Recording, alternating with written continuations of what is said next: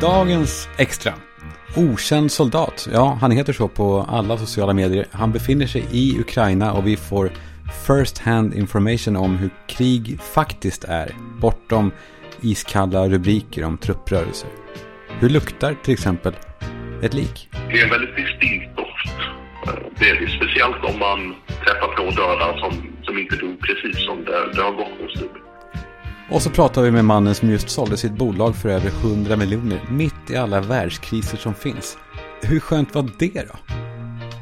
Eh, Schystombudsmannen är tillbaka med sitt mest drabbande fall hittills. Ena tvillingbrorsan blev slagen av mamma. Den andra gjorde ingenting. Han vände aldrig ens eh, blicken om mot mitt håll. Och Pontus Gårdinger, han är tillbaka med tal till nationen. Idag om en mycket farlig man som måste stoppas till varje pris. Han kan vara beväpnad med ett vapen av typen Glock 17. En förvisso fin pjäs för oss som är vapenintresserade. Ja, där har vi en liten glimt av dagens extra med Kalle Schumann i ett konungarike Sverige som har gått igenom ännu en vecka. Det är ju en fortsatt tid av motsättningar på de flesta håll. Både i stort och litet. Och det känns som att det är viktigare än någonsin att tänka på att alla vill väl där ute. Eller vill väl, vill att ta i kanske. Men eh, det finns få människor där ute som faktiskt vill ont. Eh, jag tänker till exempel på de som åker skateboard. De vill ju inte ont. Det är bara det att de aldrig kanske lyckas med sina tricks. Eh, jag har, när jag tänker efter, aldrig någonsin sett en skateboardare lyckas med ett trick. Att det bara, och så sitter den där. Utan det är alltid det här jävla skramlet. Och så här eh, halvmisslyckade, det är inte klokt. Men de vill ju ingen ont för det. De gör sitt bästa. De tar några sådana här steg och åker på brädan och så ser man hur de tar i och hoppar till och så landar de lite snett och så, och så skramlar det. Det här jävla skramlet. Men de vill inget ont.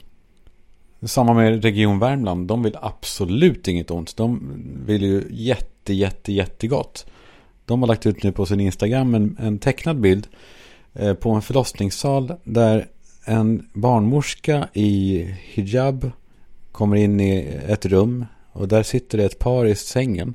En då som är en transperson, en, ja, vad man nu säger. Eh, det är en eh, kille med hår under armarna och ska på alla sätt visas vara en man. Men han har bröst och eh, en bröstpump som sitter på hans bröstvårtor.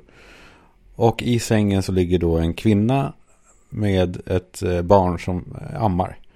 Och den här barnmorskan med hijab då eh, ler och säger vem är det som ska amma frågar hon. Och båda de här personerna då räcker upp handen. Och det är lite förvirrande såklart. Men syftet är ju gott. Det måste vi ju veta. det blir jävligt knasigt. Ja, och samma sak med Försäkringskassan. En ny reklamfilm som de har släppt ut. Som, ja, ni får höra själva så ser vi om ni fattar vad jag reagerar på. Eller inte reagera, för man, man ska ju inte reagera. Man får inte vara fördomsfull. Men det, det blir trassligt när man trasslar till det. Eller? Har du sett min teckning jag gjorde igår till farmor? Nej. Eh, har du frågat pappa? Fast ärligt, intygar du på heder och samvete? Tack för att du lämnar korrekta uppgifter i din ansökan. Tillsammans ser vi till att det blir rätt. Ja, det är kanske svårt när det egentligen är en bild som visas också. Men det handlar alltså om ett barn som eh, frågar eh, en vuxen mansperson eh, om teckningen och, och, och den här manspersonen då eh, döljer soporna bakom ryggen där teckningen ligger. Och så har du frågat pappa? Och hon har då två pappor. Eh, antar jag att man ska förstå, vilket är helt okej.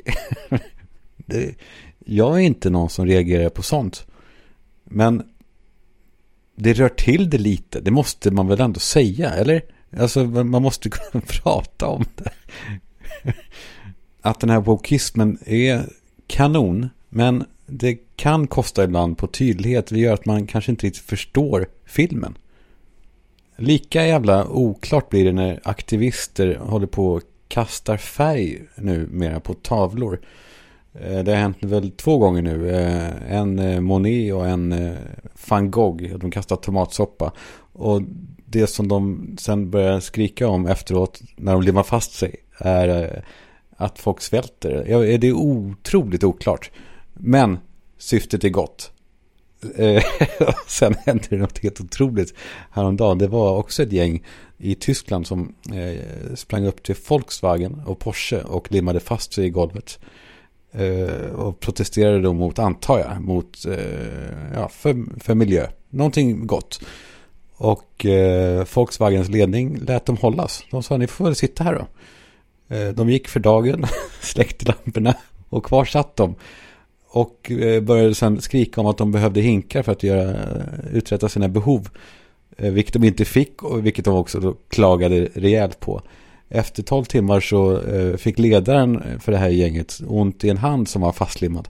Och en läkare tillkallades och, och läkaren sa att du måste nog till sjukhus. Så han togs loss. och, och twittrade ivrigt från sjukhussängen att det är för jävligt det här. Eh, det, det är ändå fint för de vill väl på sitt sätt. Jag menar till och med de uppenbara världsskurkarna vill ju väl på sitt sätt. Alltså vi tycker att det är helt fel. Men de tycker att de gör rätt.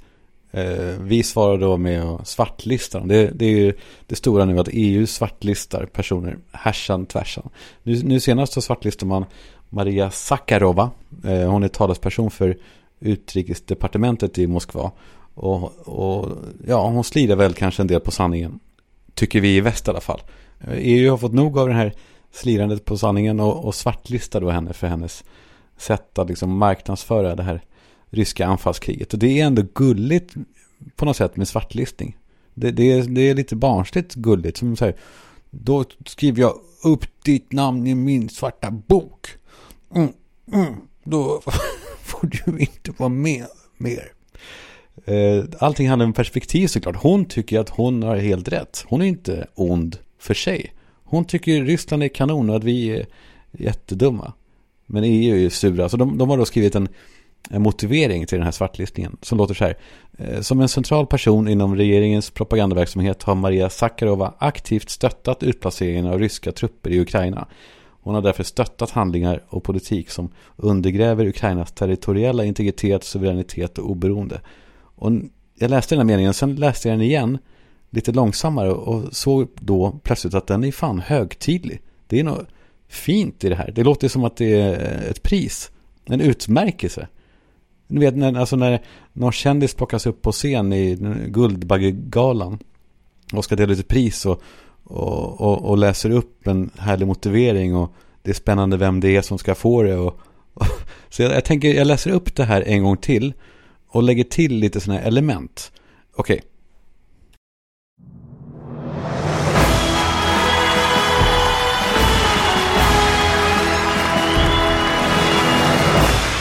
Som en central person inom regeringens propagandaverksamhet har Maria Sakarova aktivt stöttat utplaceringen av ryska trupper i Ukraina.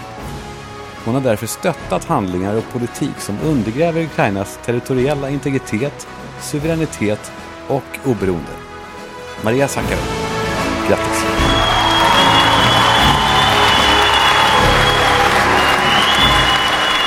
Visst får man lite gåshud? Man ser liksom framför sig hur alla står och gör sådana här hårda klappningar och, och skriker You go girl! ja, det är sånt där eh, jag sitter och pysslar med här på mitt lilla rum. Men eh, vidare med sådana här ljudeffekter som eh, ändrar hela innebörden. Om man liksom smutsar ner ljudmattan lite grann och så tar man in en indier som pratar engelska. Då fattar man att nu är det en gammal vis man som ska säga någonting oerhört jävla klokt. En riktig livsvisdom. Lägg på också någon liten sitar. Då är det gåshud. Och det spelar fan ingen roll vad han säger. Man köper det. When you have a bad day, give up. Go home and sleep. Fuck it. Try again tomorrow. Man älskar ju man älskar ju indisk brytning. This podcast is sponsored by weird, weird.com. This is, this is underwear.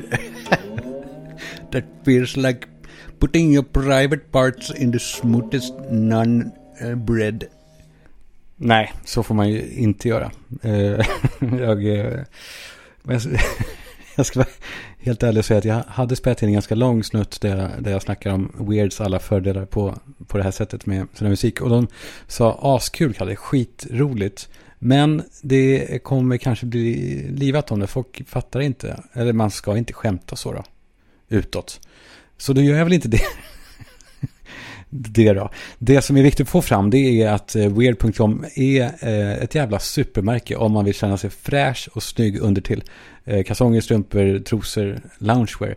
Allt finns där. Så gå in och kolla. Jag bjuckar på en rabattkod. Kalle20. Då får man 20% rabatt www.weird.com Weird with an A. W-E-A-R-D.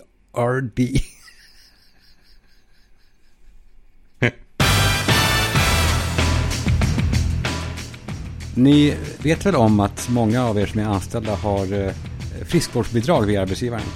Det går ut snart. Eh, det här är alltså viktig information. Det går ut sista december eh, och det är idiotiskt att inte använda det. Det är ju gjort för att vi ska använda det och må bättre. Så gå in på bokadirekt.se. Där kan man köpa ett friskvårdskort. Och så ger man kvitto till chefen så löser man det så. Eh, så har man sex månader på sig att använda det här kortet. Eh, gör det bara innan det går ut, innan det brinner inne. Du är väl inte dum i huvudet? Du, du är väl ingen, du, du är väl ingen dåre? För, för guds skull. Boka direkt.se, friskvårdsbidrag, friskvårdskort. Det är allt du behöver veta. Gör det bara innan sista december. Vidare extra, Pontus Gårdinger håller ett nytt tal till eh, nationen. Han är inte riktigt lika överslätande som jag i form av att förlåta andra människors eh, ja, misslyckanden. Så huka er i eh, bänkarna för nu laddar han om. Potus Gårdinger. God afton. Människans fascination för rymden är stor. I tider av desperation och i tider av lycka har vi blickat upp mot den svarta evigheten och fyllts av den hisnande känsla som oförklarliga saker alltid ger oss människor. Hur stor är rymden? Hur omfattande är detta nattliga gnister? Ingen vet. Men forskningen rörande rymden går ständigt framåt. Vi skickar ut sonder i det okända. Vi har rymdstationer där forskare registrerar varenda stjärnfall. Vi har till och med besökt månen och återvänt. Dagens rymdforskare har samlat in all information och arbetar nu efter en tes. De har övertygats om att rymden är oändlig, evig. Den har varken början eller slut. Jag har personligen väldigt svårt att tro på den förklaringsmodellen. Den är bristfällig och bygger på den typen av vidskeplighet som jag trodde vi gjorde oss kvitt med i samband med att vi brände vår sista häxa i det här landet. Jag är personligen ganska säker på att rymden består av en oerhört stor svart skiva genom vilken en okänd man stuckit små, små hål. När det blir natt ställer sig den där dåren bakom skivan där med en ficklampa och så lyser han på oss genom de här oerhört små hålen. Den här mannen ska betraktas som mycket farlig. Förmodligen är han psykiskt sjuk. Han kan vara beväpnad med ett vapen av typen Glock 17. En förvisso fin pjäs för oss som är vapenintresserade. Glock 17 är en mycket pålitlig halvautomatisk mördarmaskin. 874 gram av komprimerad precision och design. När jag en vacker dag tar livet av mig ska jag använda mig av en sådan. Jag klär mig i min bästa uniform, placerar mina ordnar prydligt på bröstet, sätter mig vid mitt stora mahognybord och så skjuter jag mig genom munnen. För att konfundera Polismyndigheten planerar jag också att ha ett avskedsbrev vid sidan av min sönderskjutna person. Lungsot gjorde detta mot mig, ska det stå. Läkare kommer förbryllat dividera med varandra över mitt kadaver. Vilken typ av lungsot äter hål på en människas bakhuvud på det här sättet? Och varför har han ett vapen i handen? Så kommer de att tänka och humma och peka och fundera. Det blir mitt sista spratt. Ett practical joke från graven, skulle man kunna säga. God afton. Schysst. Ombudsmannen är tillbaka. Han vilar aldrig och man kan alltid höra av sig till honom på schystombudsmannen gmail.com om det är någonting som eh, känns lite dumt i magen. Som idag. Eh, ganska rejält angeläget fall som jag hoppas att vi kan reda upp. Det som hänt är det här. Vi har då Jim, det är han som har eh, hört av sig. Han är sex år gammal vid tillfället. Han och hans tvillingbrorsa Mike, de ska ut och cykla dem. Och de har gjort matsäck eh, med saft och, och kex, eh, choklad. Men så händer någonting som får bröderna att splittras. Jim har nämligen gjort något dumt och ska få smisk av mamma. Inte bara då att man säger att man ska få lite smisk som att man ska få en utskällning utan på den tiden så fick man smisk på skärten, rejält med smisk. Vad gör då tvillingbrorsan Mike?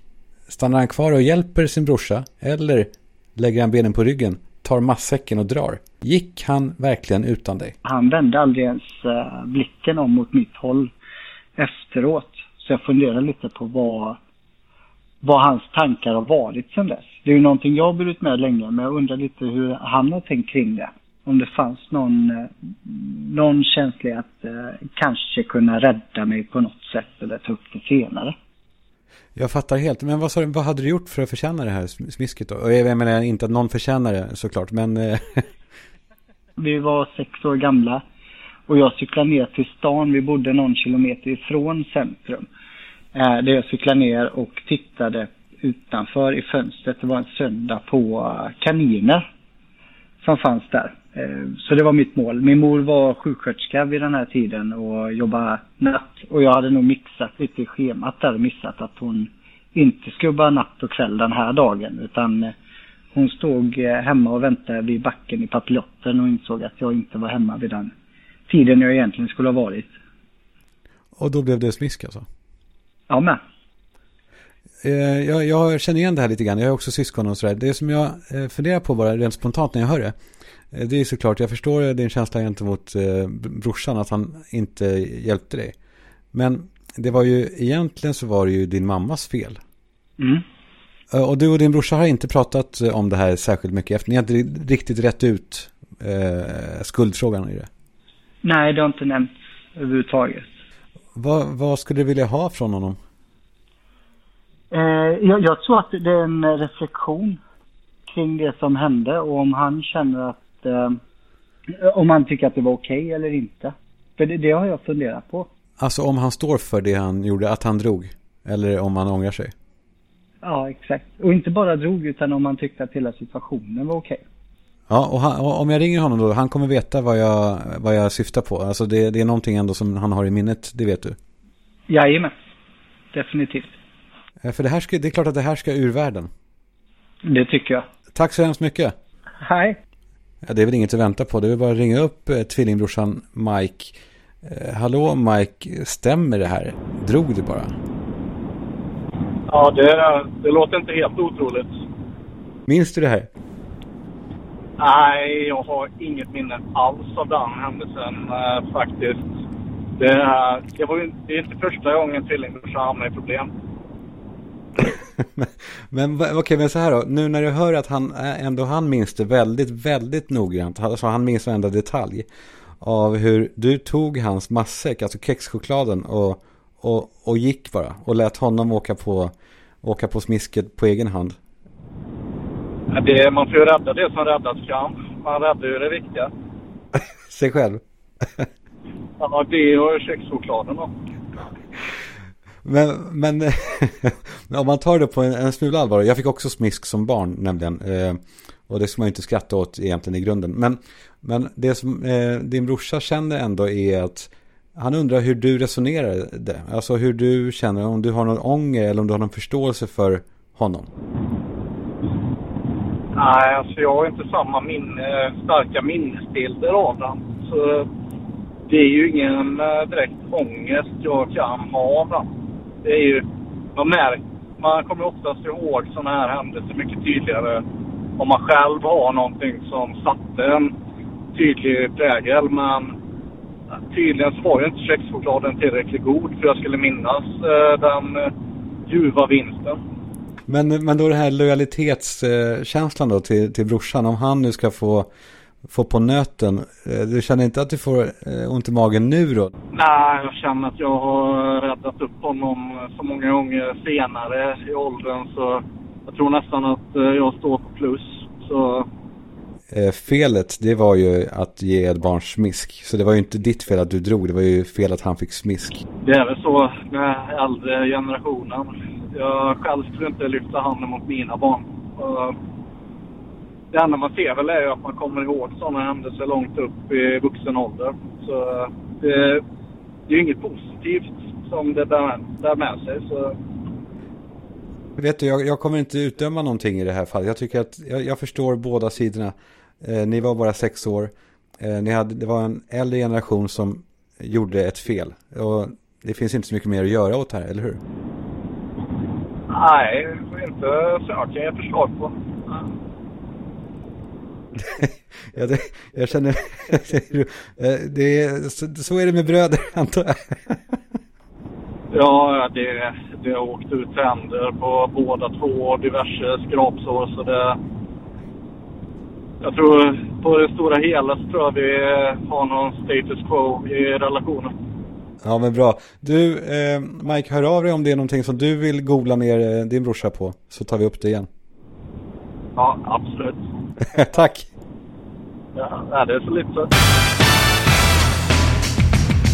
Veckorna efter att eh, Ryssland invaderade Ukraina i våras så var jag inbjuden till morgonpasset i P3. Jag har varit där några gånger och ja, man ska vara där och vara lite lattjo och lite snabb och, och vass och rolig och så. Och så kom då såklart Ryssland på tal. Jag tänkte att jag kanske för en gång skulle ska vara lite ärlig. Blandat med lite salt liksom. Eh, så jag sa att om det här skulle hända i Sverige, om rys ryssen kommer hit, då kommer jag dra härifrån. Jag, jag vässar ju till det såklart, överdrev och, och raljerade kanske över de som eh, skulle stanna kvar och kriga. För att jag tycker att det finns en, en liksom överdriven och romantiserad bild av vad krig är. Särskilt kanske på sociala medier, på Twitter med stridspittar som har liksom eh, örnar som profilbilder. Och de nästan ser fram emot att Sverige skulle bli anfallet. Jag tycker att det där känns lite konstigt i magen. Jag minns när jag eh, skulle mönstra som 18-åring. Jag var då två dygn eller vad det var i Göteborg. Det här var just i slutet av den allmänna värnplikten då. Jag är ju fan gammal nu. Eh, så det slutade med att jag dag två mer eller mindre fick välja om jag ville göra lumpen eller inte. Jag ringde då min pappa och frågade vad han tyckte och han tystnade. Och sa sen, nu ska jag inte hålla på och härma finlandssvenska, men sa sen att han föreslog att jag skulle strunta i det. Och, och om jag kunde, om jag fick nu det här valet. Han berättade om sina krigsupplevelser, för han var ju då född 1919. Eh, så han var 60 när jag föddes, så han var gammal. Det kanske ni har hört. Och han berättade om vad som pågick i vinterkriget. Hur fruktansvärt det var. Eh, han berättade om lukten av bajs och blod och skräck. Han berättade om den liksom, ständiga närvaron av döden. Han berättade också de små, små banala sakerna om sin flickvän i Helsingfors han hade. Som han saknade så mycket. Och han berättade om sin längtan efter mamma och pappa när han låg där ute i dikena mitt i vintern. Han fick mig att förstå att det här med krig är inte kul alltså. Och som sagt, det är klart att jag skulle inte eh, dra bara från Sverige om det hände här. Eh, jag kanske skulle bli tvingad eller så skulle jag få dra för att jag är för gammal eller något. Eller för att jag inte behövs. Men efter den här P3-grejen så blev det som sagt ett jävla liv. Eh, det var så många artiklar om vilken ynkrig jag är och vilket svin. Och Alexander Bard, han gick längst tror jag. I alla fall av de kändisarna. Och sa att jag skulle ställas upp eh, i främsta ledet och skjutas först av ryssarna. Ehm, men det blev en jävla tankeställare i alla fall där med kriget. För jag tycker som sagt att det finns en romantiserad bild å ena sidan. Å andra sidan nu när man läser om rapporterna i Ukraina så är det nästan en, en klinisk bild av vad som pågår. Man fattar inte riktigt att det är människor som faktiskt är där som krigar och som, som kramar avtryckaren och fryser om fingrarna. Och som bajsar på sig av skräck som det var på pappas tid. Jag vill ha en äkta bild av vad som pågår i Ukraina. Jag vill inte höra någon jävla passakivi, någon general som sitter på molnfri höjd och pratar om trupprörelser. Och, och, och han pratar liksom som att ryssarna är en person och ukrainare gör så här. Fast det i själva verket är brutala saker som pågår person för person.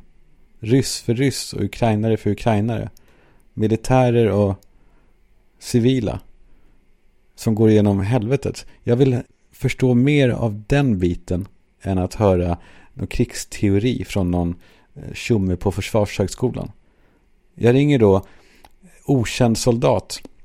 Ni kanske känner till honom och följer honom på Instagram och Twitter. Eh, det är en okänd soldat som eh, har gjort det till sin sak att sprida ordet om vad det innebär att befinna sig i krig. Han befinner sig alltså i Ukraina just nu och jag hoppas att linorna håller. Okänd soldat, hör du mig? Jajamän.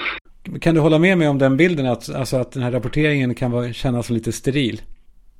Ja, jag är ju själv eh, insatt. Jag har ju varit yrkesmilitär i 12 år innan jag kom hit. Så för mig så eh, får jag ganska god förståelse även när torra överstar från Försvarshögskolan pratar. Men jag förstår att det kan vara förvirrande och intetsägande för eh, gemene man på gatan så att säga.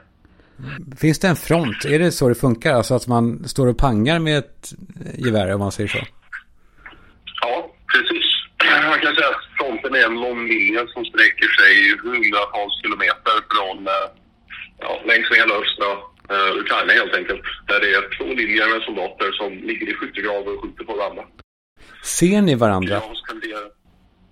Ja, ibland gör man det. Oftast så ser man uh, liksom en, um, ett värn, alltså ett, ett hål i marken där fienden ligger och gömmer sig. Men det kan vara ganska svårt att se själva fienden. Hur går ett anfall till? Du får förlåta dumma frågor, men, men hur, hur går det till? Då, då, då bestämmer man, nu springer vi eller? Hur, alltså, hur funkar det? Det en ganska långsam affär uh, här i Ukraina. För det finns olika sätt att strida på som olika nationer använder sig av. Olika så kallade doktriner, alltså sätt att, uh, sätt att bedriva krig på. Och den gamla ryska tekniken, den är väldigt enkel. Du skjuter jättemycket artilleri, jättemycket bomber, kastar hur många granater du kan som helst. Och sen hoppas du på att det nöter ner fienden så att fienden antingen dör eller tvingas springa därifrån. Och sen anfaller du när det inte är så många kvar. Och hur långt ifrån är de här, är man varandra när linjerna är, eh, fronterna är liksom mot varandra? Är det 100 meter eller mer? Det beror helt på hur mycket fienden vill försvara. Eh, för målet med den här typen av krigsföring är ju som sagt att man ska skrämma iväg fienden med alla sina bomber. Att när man själv kommer så ska de ha bestämt sig för att det här var inte riktigt värt det. Då kan det vara ganska långa avstånd. Då kan det ju vara hundratals meter.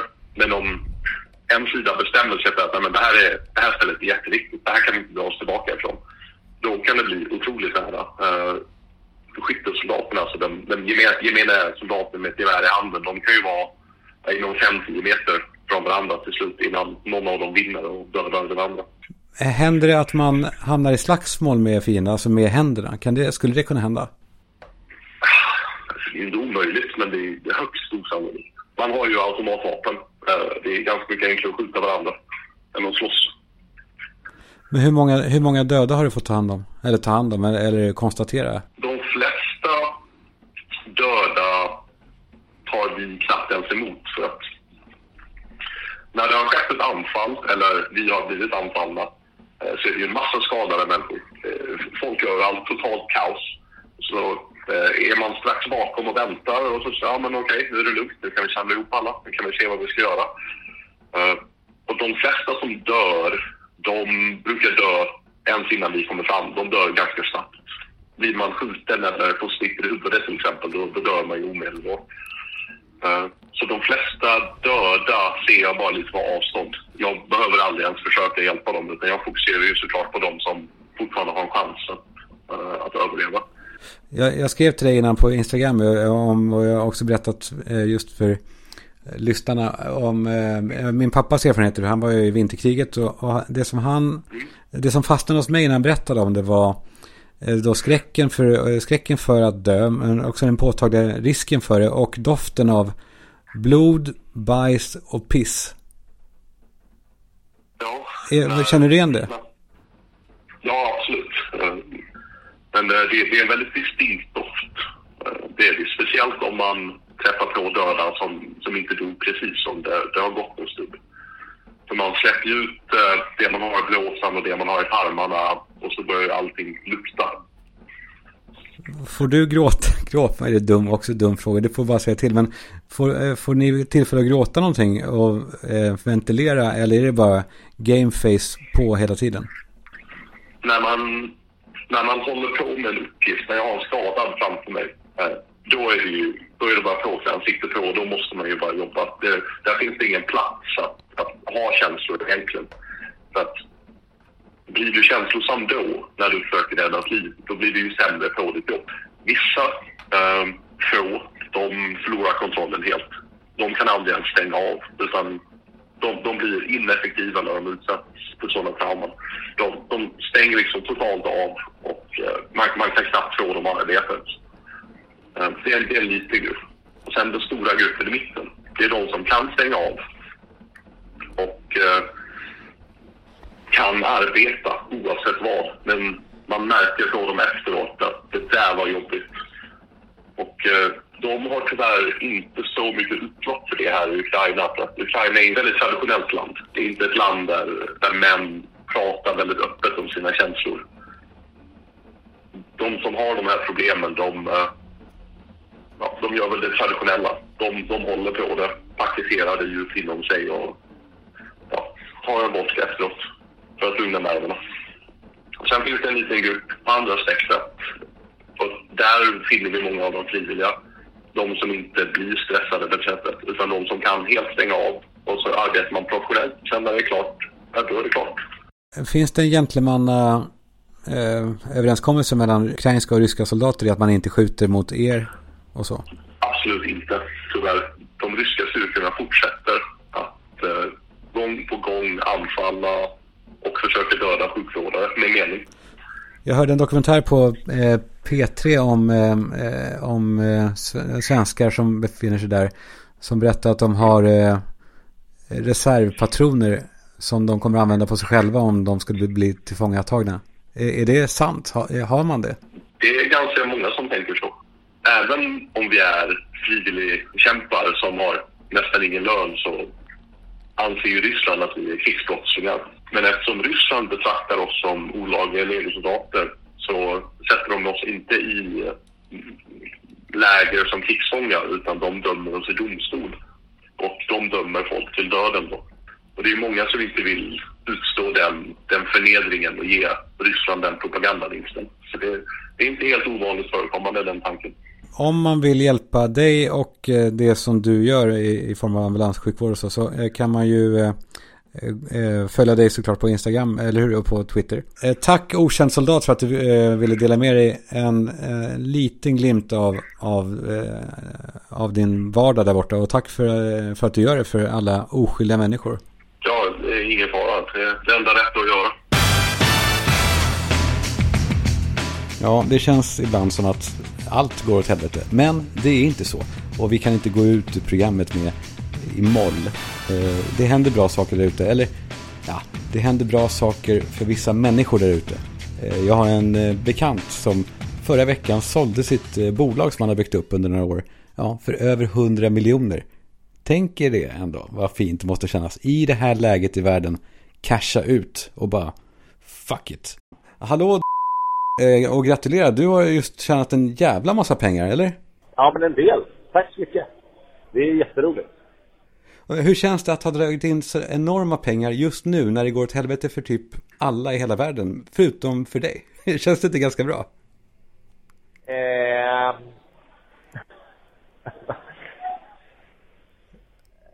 Hallå? Jag känner mig som han i, i den här moderaten nu i den här filmen som han intervjuade SVT eh, om eh, lönehöjningar och Norrtälje kommun. Det är helt ställd. Vi, vi, har gjort våra prioriteringar. Vad har du för känsla i magen bara? Det kan vi säga. Alltså, du har dragit in massor av miljoner. Du har safeat hela din framtid kan man ju säga. Just när många andra går runt och är rädda. Jag vet inte om eh, jag känner mindre oro på stunden. Var lite jävla glad åtminstone. Jag ska försöka. Okej, du, tack snälla för att du tog dig tid och, och gratulerar till framgångarna. Det behövs goda nyheter i sådana här tider. Tack så mycket. tack så. Tack så jättemycket. Åh, oh, gud ja. Men det är klart vi är glada för hans skull. För sådana är vi. Vi eh, är ju det. Vi extra människor som gläds åt andras medgångar. I vått och torrt. Det är väl det vi säger när vi viker in hovarna för den här veckan och är tillbaka nästa torsdag med en ny sprängfylld halvtimme, timme. Och jag säger som alltid, hör av er om det är någonting ni vill ha in eller undrar över. Och eh, ta hand om er där ute, var ni än är någonstans. Hej!